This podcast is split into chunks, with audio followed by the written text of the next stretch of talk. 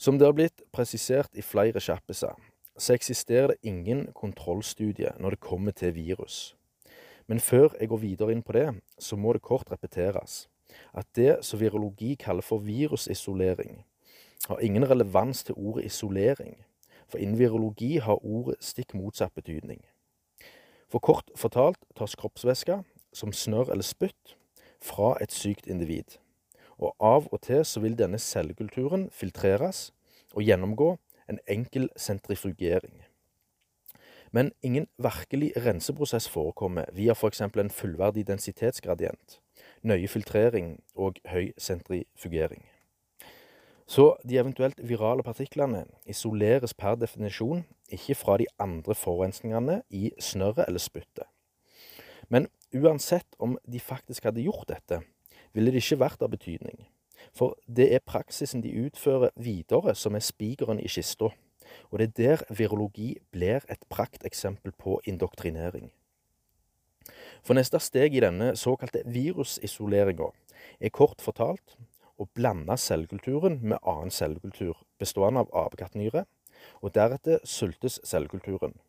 Og så tilsettes minimumsnæring som typisk kufosterblod. Og deretter antibiotika. Cytopatisk effekt observeres så i cellekulturen, som vil si endringer av strukturen i cellene, og til slutt så dør cellekulturen ut. Denne cytopatiske effekten som observeres, sier medisinsk litteratur at skyldes en virusinfeksjon, og henviser videre til bildet tatt via elektronmikroskopi, som igjen skal være et objektivt bevis på virusets tilstedeværelse. Men som jeg starta sjappisen med, så eksisterer det ingen kontrollstudie. Og et kontrollstudie er identisk til det opprinnelige studiets framgangsmetode. Men vi fjerner f.eks. en ingrediens i denne oppskrifta, som f.eks. antibiotika. Eller hvis vi gjør det litt mer spennende, så bruker vi heller kroppsvæska fra et friskt individ, og ser om cellekulturen deretter får cytopatisk effekt. For dersom det er tilfellet at friske individs celler får cytopatisk effekt, så er det altså det er den eksperimentelle prosessen i seg sjøl som skaper hendelsen der cellen dør, ikke et såkalt virus eller patogen. Det er dette jeg tenker på når jeg sier at forskning skal alltid granskes og baseres på objektive, gjentagende studier med forutsette og uforutsette variabler. Det eksempelet som jeg ga her nå, er faktisk utført av en uavhengig forskningsgruppe, med den tyske virologen Stefan Lanka i spissen, og ble gjort med den samme identiske framgangsmetoden som praktiseres innen virologi. Men den eneste variabelen er at cellekulturen, altså snørr eller spyttet, er tatt ifra fullstendig friske individ. Og til og med da så oppstår cytopatisk effekt i cellekulturen som det praktiseres med. Når cellekulturen bestående av snørr eller slim fra et friskt individ påføres mindre og mindre næring, som Specific Eagles Minimal Essential Medium og kufosterblod, samtidig som antibiotikakonsentrasjonen økes, så oppstår kraftigere og kraftigere cytopatisk effekt i cellekulturen.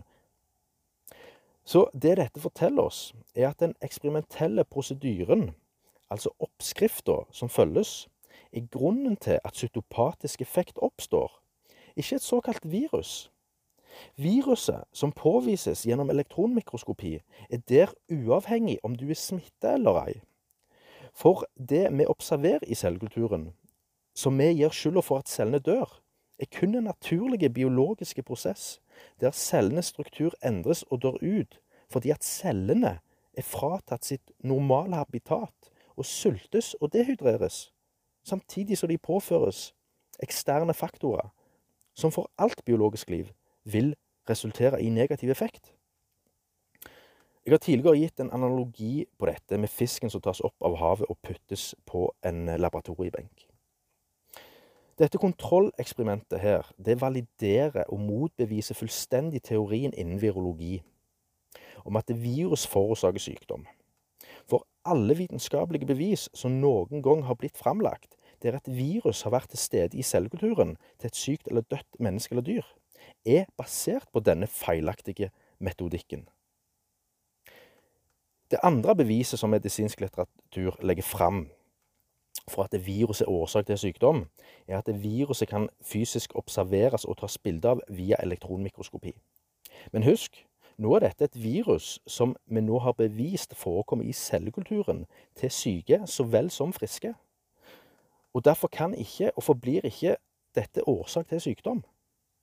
Men allikevel så skal jeg nå ta for meg et eksempel, eller rettere sagt et eksperiment, som nettopp motbeviser troen om at det vi observerer gjennom elektromikroskopi, er et virus. Det er et studie som ble publisert rundt august 2020, og er sannsynligvis utført av nefrologer og ikke virologer. Og Studiet har òg gjennomgått en fagfellevurdering, og er derav publisert i en fagfellevurdert tidsskrift. Det som er på godt nynorsk kaller for en peer-reviewed journal. Som da får akademia et eksempel, eller rettere sagt et stempel, i boka på at vitenskapen er pålitelig. Men som jeg påpekte i Kjappes 42, så er denne form for vurdering kun en kontroll på at det som vitenskapelig konkluderes med i studiet, er i gehør med den allerede aksepterte teorien på det aktuelle temaet. Og er faktisk den siste plassen hvor vitenskap forblir vitenskapelige. For der er alt basert på konservativ tenking og innavl. Men allikevel har dette eh, kontroversielle studiet gått usett forbi, og det er trolig av at studiet stammer fra nefrologer og ikke virologer, som nevnt. Og studiet det viser at det spesifikke partikler som medisinsk litteratur og media sier kun skal opptre hos individ med covid-19, faktisk òg påvises hos friske individ via nyrebiopsier. Disse partiklene som opptrer normalt i nyrevev hos friske individ, er ikke mulig å skille visuelt fra individuelle virus, altså SARS-CoV-2. Det ble utført totalt 15 biopsier, alle viste identiske partikler med samme størrelse og struktur som det såkalte viruset.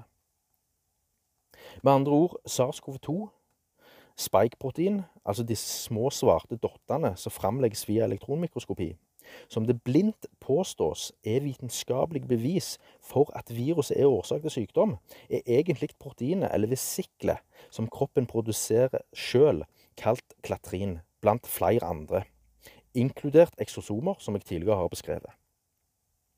Klatrin, som det nevnes her, spiller en sentral rolle i genereringa av vesiklet, som kan ses på som små poser inne i celler, som gjør det mulig for opptak av næring endocytosisk og utskillelse av avfallsproduktet eksocytosisk.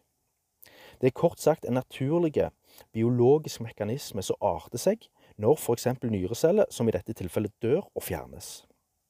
Å ha i bakhodet at cellene fornyes konstant, og alle cellene du besitter i dag i din kropp, har innen flere uker dødd ut og blitt erstatta av nye. Foruten klatrine så legges det òg fram at eksosomet er en annen kandidat som kan feiltolkes som virus. Og hos individ med covid-19 kan disse påvises i urinen. Så å si alle segmenter av nyrevev i kontakt med urinfiltreringa, altså nærmere bestemt Baumans kapsel, kan gi opphav til eksosomer. Og det verste av alt er at CDC utarbeidet sjøl et studie hvor de påpekte korrelasjon i forbindelse med SARS i 2003.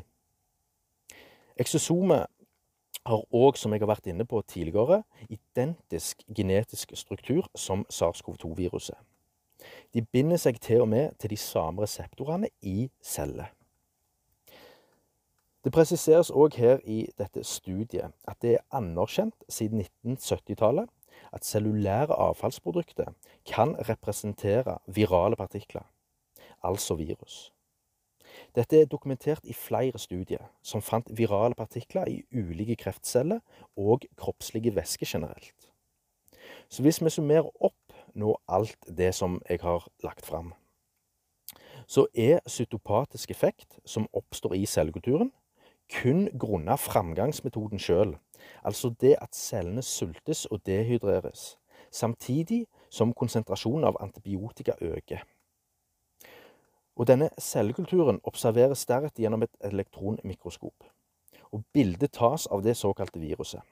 Et virus som er identisk til proteinet, eller vesikler om du vil, kalt eksosomer og klatrin.